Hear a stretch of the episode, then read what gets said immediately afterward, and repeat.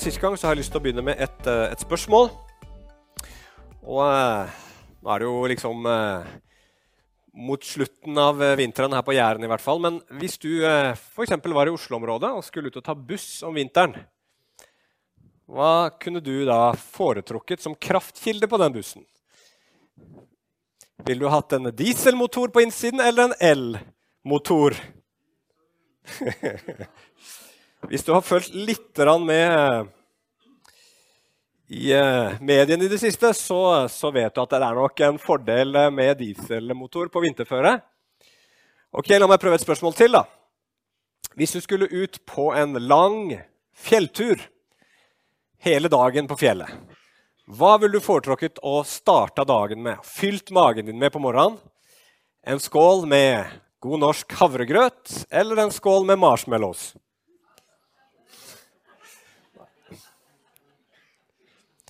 Ja, altså Det kan jo være fristende med den der marshmallowsen kanskje, sånn eh, når magen er full, men hvis du hadde gått på bare marshmallows, så tror jeg det hadde blitt fryktelig eh, mye luft på innsiden når du virkelig trengte kreftene. Havregrøt er nok bedre.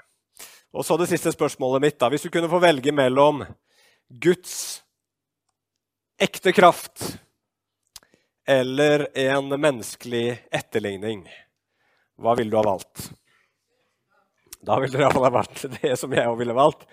Guds ekte kraft. Og I dag i eh, serien eh, Ekte tro da, så skal vi snakke om eh, kraften. Hva er kraften i det kristne livet? Og eh, I dag så skal vi se at eh, den kraften som er den ekte kraften, det er Den hellige ånds kraft. Og Den hellige ånds kraft det er en kraft for det første til et nytt liv. Og for det andre så er det en kraft til en ny hensikt. Så i dag så har jeg bare to punkter, så da blir det sikkert en veldig kort preken. Ok, Det er kanskje noen som er glad for. Da tar vi og går til Apostlenes gjerninger, kapittel 2. Og så skal vi lese de versene som eh, kommer opp på skjermen her nå. Fra vers 1 til 6, og så fra vers 12 til 18. Der står det Da pinsedagen kom, var alle samlet på ett sted. Plutselig lød det fra himmelen som når en kraftig vind blåser, og lyden fylte hele huset hvor de satt. Tunger som av ild viste seg for dem, delte seg og satte seg på hver enkelt av dem. Da ble de alle fylt av Den hellige ånd, og de begynte å tale på andre språk, ettersom ånden ga dem å forkynne. I Jerusalem bodde det fromme jøder fra alle folkeslag under himmelen. En stor folkemengde stimlet sammen da de hørte denne lyden, og det ble stor forvirring, for hver enkelt hørte sitt eget morsmål bli talt. De visste ikke hva de skulle tro, og forvirret spurte de hverandre hva er dette for noe. Men noen andre gjorde narr av dem og sa de har drukket seg fulle på søt vin.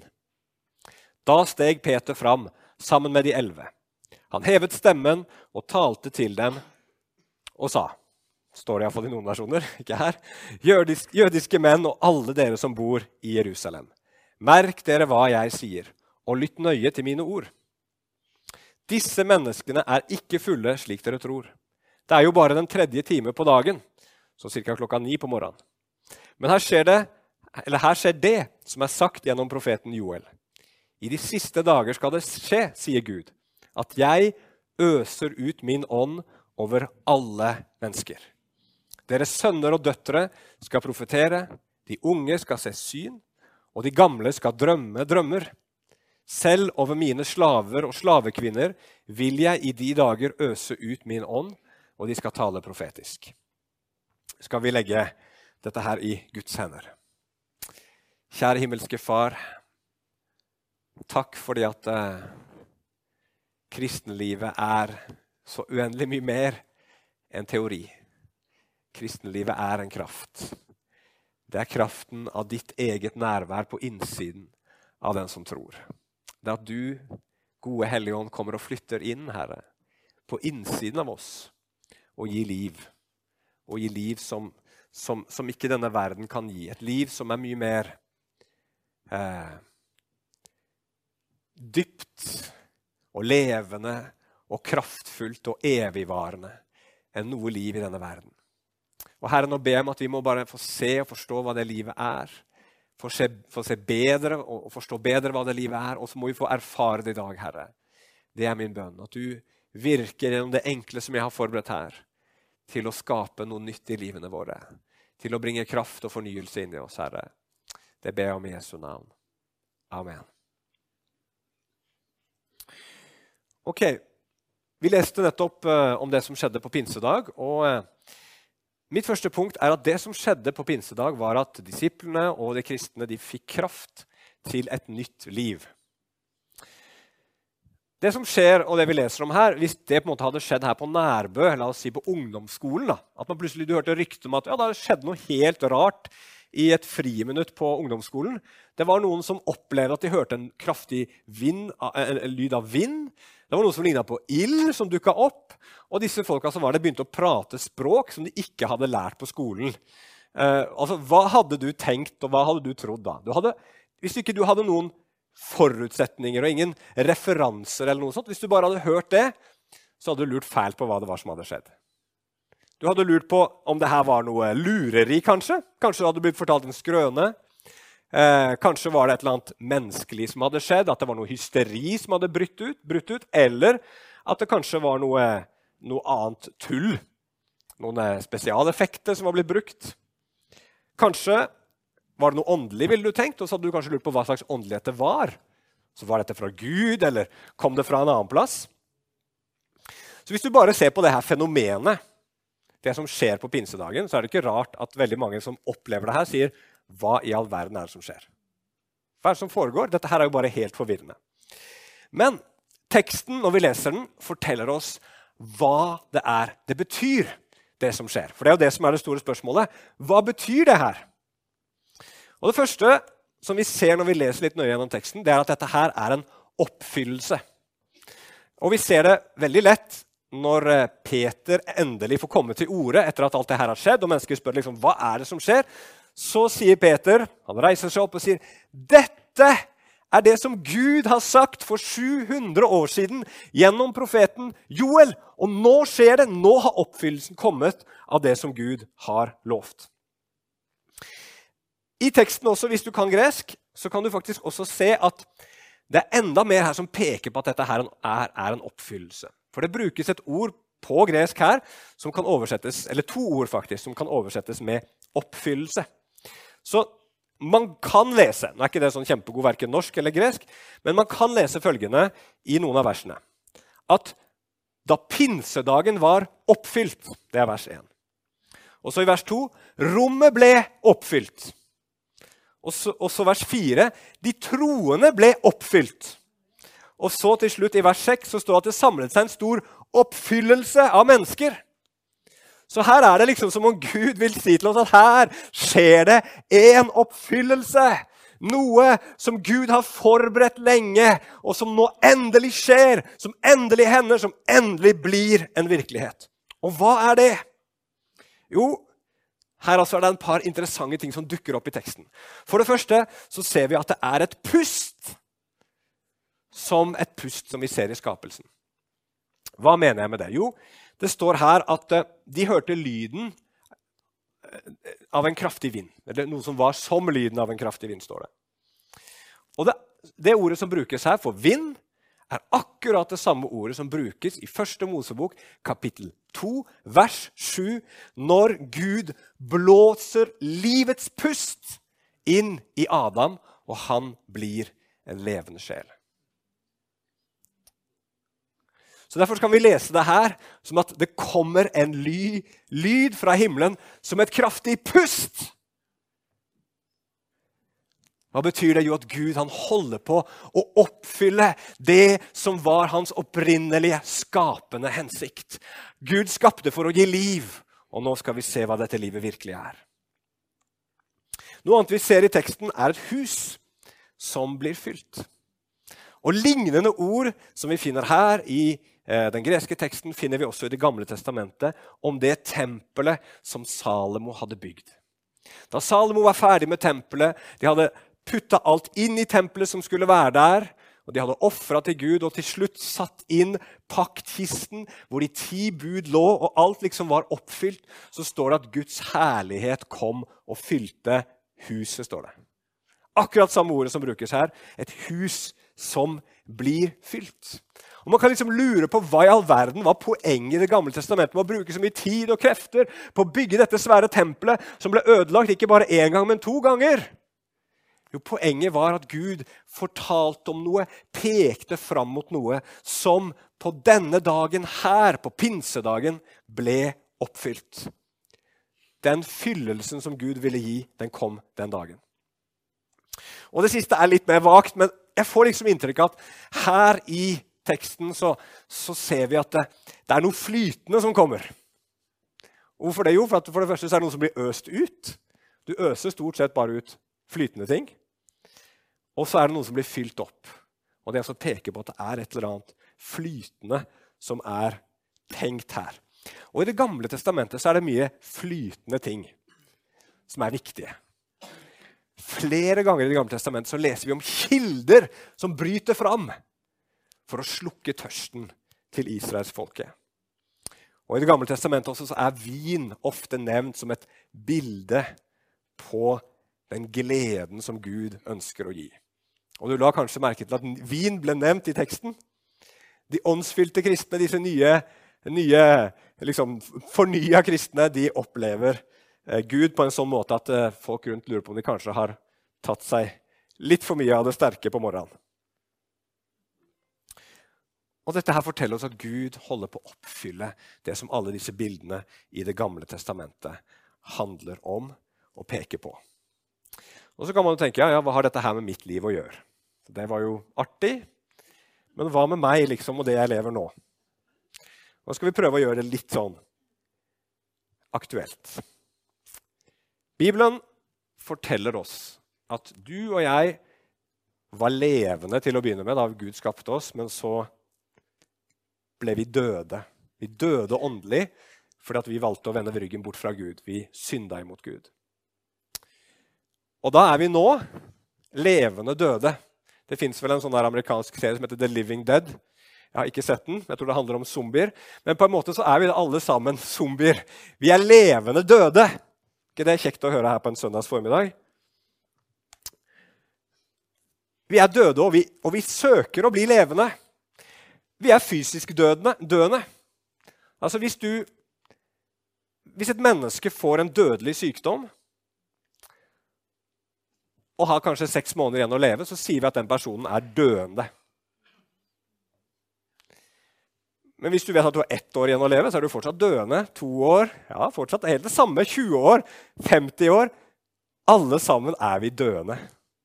Vi er alle sammen på vei til å dø. Det vil ta kortere tid for noen, lengre tid for andre, men dødeligheten er fortsatt på 100% Eller som statistikken sier, ti av ti dør. Så vi dør fysisk, og det er fordi vi er døde allerede åndelig. Og så er vi også døde for det gode. Det vil si at jo da, vi vil det gode, men vi klarer ikke å være virkelig gode når det koster noe å være god. Da velger vi det vekk. Og Jeg skal igjen sitere teologen Elon Musk, som jeg siterte her i høst eller i, i, i desember, hvor han sier jeg sier at det jeg bryr meg om, det er faktisk godhet. Det er et intervju han svarer på et spørsmål. eller han kom med en kommentar. Han sier det jeg bryr meg om, det er faktisk godhet, ikke det som ser ut som det. Og det jeg ser overalt, er mennesker som er opptatt av å se gode ut, mens de gjør ondt. Det er menneskehetens problem. Vi holder på med å være opptatt av å se gode ut, men når det gode virkelig koster, da blir det fryktelig vanskelig.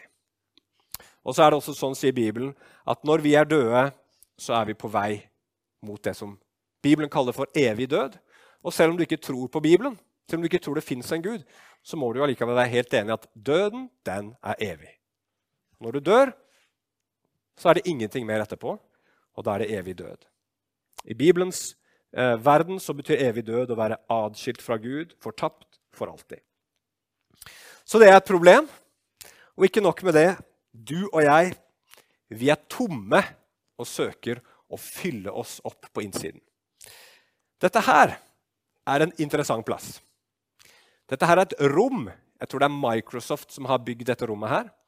Og Det er et rom som er laga for å være så stille som overhodet mulig.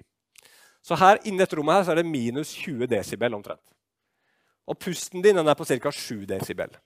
Så her er det så stille at når du går inn i det rommet der, så kan du høre lyder på innsiden av kroppen din som du ikke hører til vanlig. Og Derfor er det sånn at det er ganske ubehagelig sier de, å være i det rommet her, og folk orker ikke å være der inne så fryktelig lenge. For at de lydene av det som foregår på innsiden, det er ikke så veldig kjekt å høre på. tydeligvis. Jeg har ikke prøvd. Ja, vi, har, vi, hører kanskje noen ganger at det rumler i magen, og sånt. men når du hører liksom alt som skjer inni kroppen din, så er det ganske, ganske ubehagelig. Og vet du hva? Jeg tror det er litt sånn åndelig også. At vi er åndelig tomme på innsiden. Og for den tomheten den er så øredøvende. Den roper til oss. Det er noe som mangler her inne. På en sånn måte at vi flykter fra all stillhet. Vi kan ikke stå stille. Vi kan ikke være stille. For vi ønsker ikke å forholde oss til det tomrommet som er på innsida. Og så prøver vi å fylle dette tomrommet her med aktiviteter, mål som vi setter oss. Det skal jeg få til. Underholdning, fellesskap med andre, rusmidler, opplevelser osv. osv. Men det tomrommet, det blir ikke borte. Vi blir aldri, aldri tilfreds. Og så er spørsmålet da ok, Vi har dette problemet, vi er åndelig døde og vi er tomme på innsida. Og hvordan er det Gud da gir oss liv? Og hvordan er det han fyller det tomrommet? Jo, det er det som skjer på pinsedagen. Gud kommer for å gi liv og for å fylle tomrommet på innsiden på en virkelig måte. Og hva er det Gud gjør? Og jeg synes Det står så fantastisk bra i Galaterbrevet kapittel 4, vers 4-7. Der står det. Men i tidens fylde så sendte Gud sin sønn, født av en kvinne og født under loven. Han skulle kjøpe fri dem som sto under loven, så vi kunne få retten til å være Guds barn. Fordi dere er barn, har Gud sendt sin sønns ånd inn i våre hjerter, og ånden roper 'Abba, far'. Derfor er du ikke lenger slave, men sønn. Og er du sønn, er du også arving, innsatt av Gud. For å fri deg fra åndelig død og for å fylle tomrommet på innsiden av deg, så gjør Gud noe helt utrolig. Han gir det beste han har og det beste han har å gi til deg og meg for å fylle dette desperate behovet vi har, det er seg selv. Gud gir seg selv ved Den hellige ånd til å komme og bo på innsiden av deg og meg. Da hadde det passa med et lite amen. Jeg vet ikke, men, men det er greit.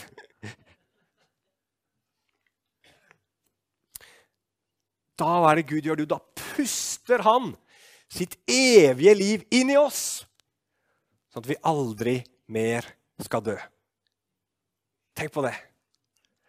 Og da fyller Gud oss på innsiden, slik at vi blir, som Bibelen sier, templer fylt av Guds herlighet, fylt av Guds ånd, og forandra på innsiden på en sånn måte at vi nå begynner å gjøre det som er rett, selv når det koster noe.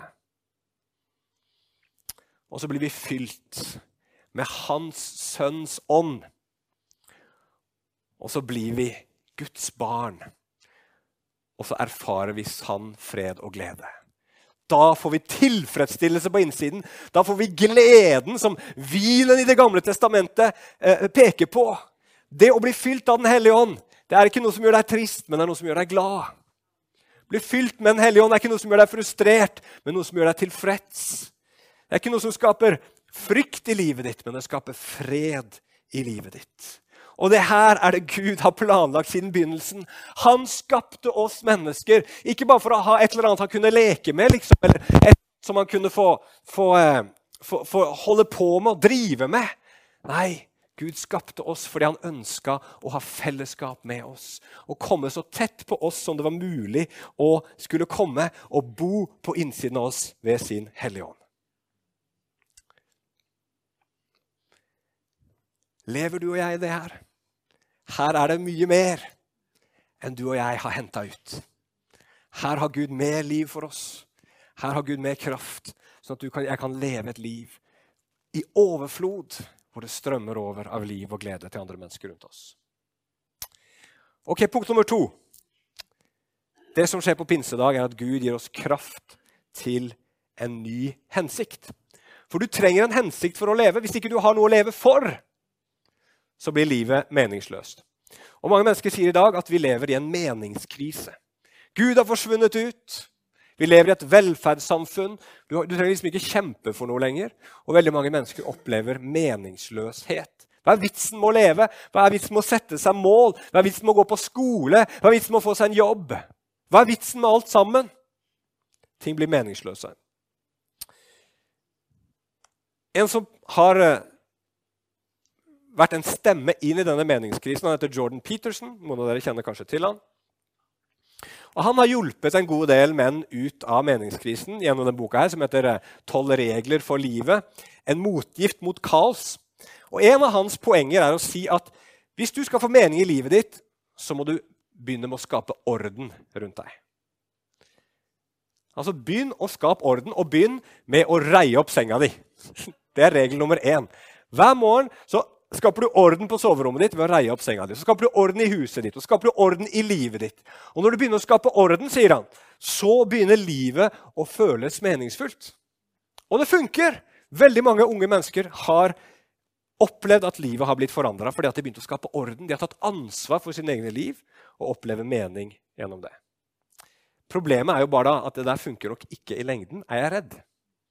For, for det første så kommer du antageligvis til å møte på situasjoner hvor du ikke klarer å skape orden. Hva gjør du da? Det er bare kaos du er nødt til å akseptere. Bare tenk på Ukraina og leve der nå. Da er det ikke lett å skape orden. Og så er det også sånn da, at om du skulle klare å skape orden, så må du jo hele tiden skape orden på nytt og på nytt og på nytt. og på nytt og på nytt og på nytt og på nytt, og på nytt. For det blir jo kaos hele veien. Du vet hvordan det er når du er hjemme og har rydda huset. Endelig liksom setter deg ned og slapper av. Hvor lang tid går det da før det blir kaos igjen der hjemme? Det er ikke alltid det tar så lang tid, hvis du har barn. i hvert fall. Og Da blir det liksom meningsløst. Det blir bare så repetitivt. ikke sant? Hele tiden så holder vi på med det samme om igjen og om igjen. og om igjen. Vi kommer ingen vei. Det blir som eh, tiden som går og går og aldri kommer til døra, for å sitere en gammel, utslitt vits. Vet dere hva? Det fins en større hensikt å leve for enn det. Hva er det som skjer med disiplene når Den hellige ånd kommer over dem? Når de blir fylt av Guds ånd på innsiden, hva er det første som skjer med dem? Jo, de føler, de opplever at de blir drevet av noe. De blir drevet ut. De får denne evnen overnaturlig ved Den hellige ånd til å tale på språk som de ikke selv kan. Og så går de ut med det. De blir ikke sittende der inne på den øvre salen som vi kaller det, og liksom kose seg med at de kan snakke et språk. Nei, de kjenner at dette språket her må ut. Dette budskapet som de har fått på innsiden, det må ut. Derfor så kommer de seg ut av det rommet der hvor de er, og så begynner de å snakke til folk ute på gata. Og siden Jerusalem på den, den tiden var veldig internasjonal, så snakker de på et overnaturlig vis språk som folk der kunne forstå. Og hva blir resultatet? Jo, det står i vers 11, det hoppa vi over når vi leste, men det står i vers 11, for der står det at folk sier vi hører dem tale om Guds storverk på våre egne tungemål. Gud blir opphøyd. Gud blir gjort kjent. Og Den hellige ånd driver dem til det, for det er nå hensikten med livene deres. Da jeg var 18 år gammel, så hadde jeg den store, sterke, livsforvandlende opplevelsen å bli fylt med Den hellige ånd. Og da begynte Gud å kalle på livet mitt. Han kalte meg til å kjenne ham bedre, men han kalte meg også til å tjene ham. Så Dermed så var det litt sånn umulig å komme unna det.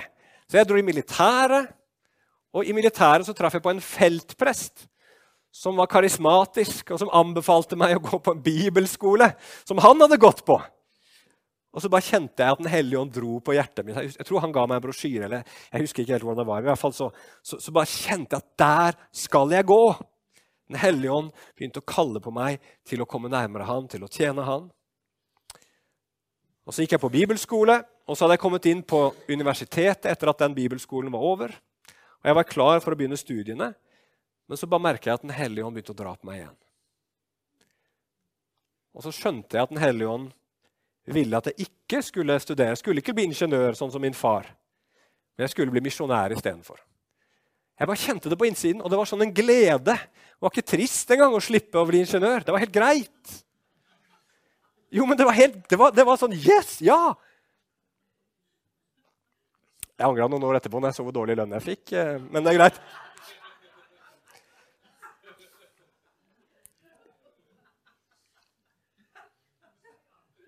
Men det gikk fort over. Men vet dere hva? sånn holder Gud på. Han leder, og han driver fordi han har en hensikt med livene våre. Han vil gjennom ditt liv, gjennom mitt liv, gjøre seg selv kjent til andre. Og Det fins en historie for deg også. Du også har et kall over livet ditt. Alle som har Jesus i sine hjerter, Den hellige ånd i sine hjerter, de har Gud en plan for. Og det å erfare og oppleve Den hellige ånd, det er nøkkelen til å bli leda inn i den, og til å få, kraft til å gjennomføre den. For det kallet Gud kaller deg til, det skal du ikke gjøre i din egen dyktighet og i din egen kraft, men med den kraften som Han gir. Og så kan noen tenke ja, men det her er nok ikke for meg. Det er kanskje for noen spesielle, men, men det som er så tydelig i teksten her, er at dette her er for absolutt, absolutt, absolutt alle. For når eh, Peter stiller seg fram og leser fra Det gamle testamentet, så sier han at Gud sier at han skal utøse sin ånd over nesten alt kjøtt. ikke sant? Eller nesten alle mennesker. Nei, det står 'alle mennesker'. Og så presiserer han det ved å si at selv over slavene skal jeg utøse min ånd. Og de skal profetere. Og På den tiden så var det de som var lavest på rangstigen. De man tenkte at hvis det er noen Gud skulle liksom gå forbi, så måtte det være de, for de er ikke så viktige. Men så ser vi i Det nye testamentet at det er helt omvendt. At de som kommer til tro, de som først blir fylt, de som først får erfare, det er de som er små og svake og nederst på langs stigen. Disiplene var fiskere, det var ubetydelige mennesker. Det var ikke liksom på Slottet eller på den viktige eh, markedsplassen eller andre plasser i Jerusalem at Den hellige ånd kom, men det var blant, blant disse små, svake, små menneskene at ånden kom for første gang. Og Så kommer Ånden og sier den overnaturlige gaver som du og jeg kan bruke i livene våre. Her står det om å tale i nye tunger, profetere, få drømmer, få syner. Og alt det der skal brukes i tjeneste for Gud. Og så er spørsmålet trenger vi nå dette her i dag. da? Trenger vi det nå? Og Da kommer jeg over et sitat fra Barat. Det er Mange som kommer inn på kontoret mitt og så lurer på hvem i all verden er det som henger på veggen der. For, for, å skjule en litt sånn stygg eh, kontakt så har vi hengt opp et bilde av TB Barrat på kontoret. Som er liksom grunnleggeren av pinsebevegelsen. Da henger han, og han hilser jeg på hver eneste morgen jeg er innom her. Men han var en mann som brakte det som vi kaller for pinsevekkelsen til Norge. Og, og det ble en vekkelse, og mange liv ble forandra. Dette førte bl.a. til at evangeliet kom til Kongo. Og vi har kongolesere her i forsamlingen. Og det begynte med den fyren her. Amen. De sendte misjonærer ut fra norsk pinsebevegelse, som gjorde at i dag er det millioner av kristne i Kongo. Det er ikke bare så klart norsk pinsebevegelse, men de har vært veldig betydningsfulle. Og det er Tebu Barat du begynner med i Norge. Og han sier følgende Jo, mine venner, denne åndsdåp trengs nå. 1913 skrev han det. Har det vært en tid da åndskraft, åndskraft trengtes mer enn ellers, så er det nå. 1913. Nå da man i mang en prekestol ikke har stort mer tilbake av Bibelen enn permene. 1913. Hva da med 2024? Nå, da man vil være kristen og dog forkaste Bibelens Kristus. Nå, da frafallet tar til rundt omkring i stor utstrekning. Nå, da de menneskelige tanker og eksperimenter settes over Guds ord. Nå, da så mange har gudfryktighetens skinn, altså ytre, men fornekter dens kraft. Nå trengs en åndsutgytelse så mektig over Guds menighet at den på ny kan innta sin rette stilling og bli jordens salt og verdens lys. Du blir litt sånn, sånn paff nesten av å lese det. Altså 1913. Da var liksom alt på stell, tenker vi. Men allerede da, og sånn har det sikkert vært i alle tider, så var det behov for Jesus og behov for Den hellige ånds kraft til å gjøre Jesus kjent. Så hvordan kan vi da i dag få det og oppleve det? Og Jeg tenkte litt på det. Hvis vi tenker at, at Den hellige ånd er som et pust, ikke sant? det er luft, eller Den hellige ånd er som vann hvordan, hvordan får man vann inn i noe? Hvordan kan vi få noe inn i oss som er flytende? Jo, det må jo være en åpning, og det må være rom på innsiden. Ikke sant? Og så er spørsmålet som vi trenger å stille oss, er vi åpne for at Gud skal kunne fylle oss med sin kraft? Og være klar på at han kan kalle deg hvor han vil. For det er alltid det, det som er litt av faren. ikke sant?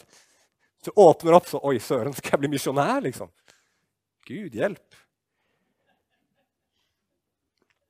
Og det andre er du tom på innsiden. Ser du din egen svakhet og utilstrekkelighet? Innser du at du ikke klarer deg uten Guds kraft? For det er litt av faren, spesielt i et samfunn som vårt, hvor liksom vi får så mye hjelp til å klare oss gjennom livet, at vi ikke ser at vi trenger Gud mye mer enn vi aner. Ønsker du denne kraften?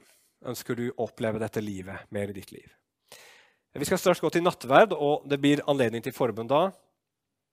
Men jeg har lyst til å oppfordre alle sammen til å bli med på den bønn- og fasteuka som kommer nå i eh, neste uke. Eh, den hellige ånd kom jo i apostlenes gjerninger etter en ca. ti dagers bønnemøte. Nå skal vi satse på en sånn fem-seks dager med bønn. Og Overskriften er 'Forny oss, Gud, så blir vi fornya'. Og Det handler om nettopp det her, at Den hellige ånd skal komme inn, og så skal den tenne oss opp på innsiden, fornye oss, at vi igjen skal få erfare denne kraften i våre liv. Og Da vil jeg virkelig utfordre deg for det første til å faste. Og fast der hvor du har mulighet til å faste. For noen så vil jeg anbefale å prøve i hvert fall å faste fra mat en halv dag eller en dag.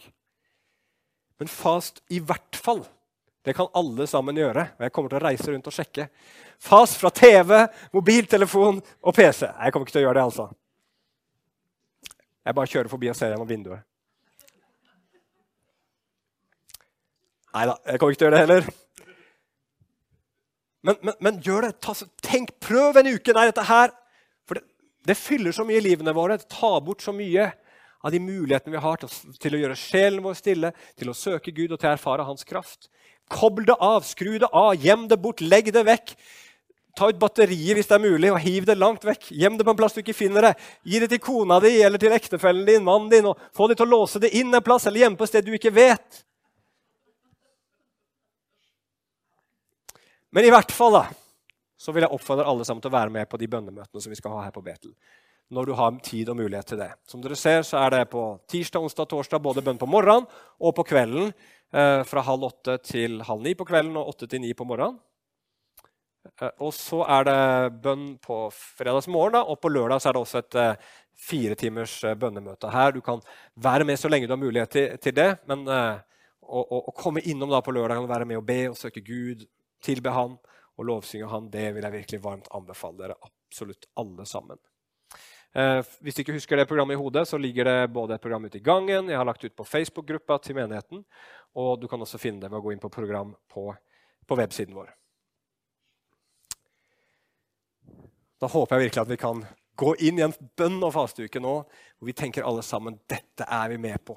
Og så skal vi få lov til å se Guds kraft. Og Om ikke du trenger fornyelse, så kan du be for noen andre som trenger det. Men jeg tror nok det er sånn for oss alle sammen at vi har veldig godt av å bli fornya i Den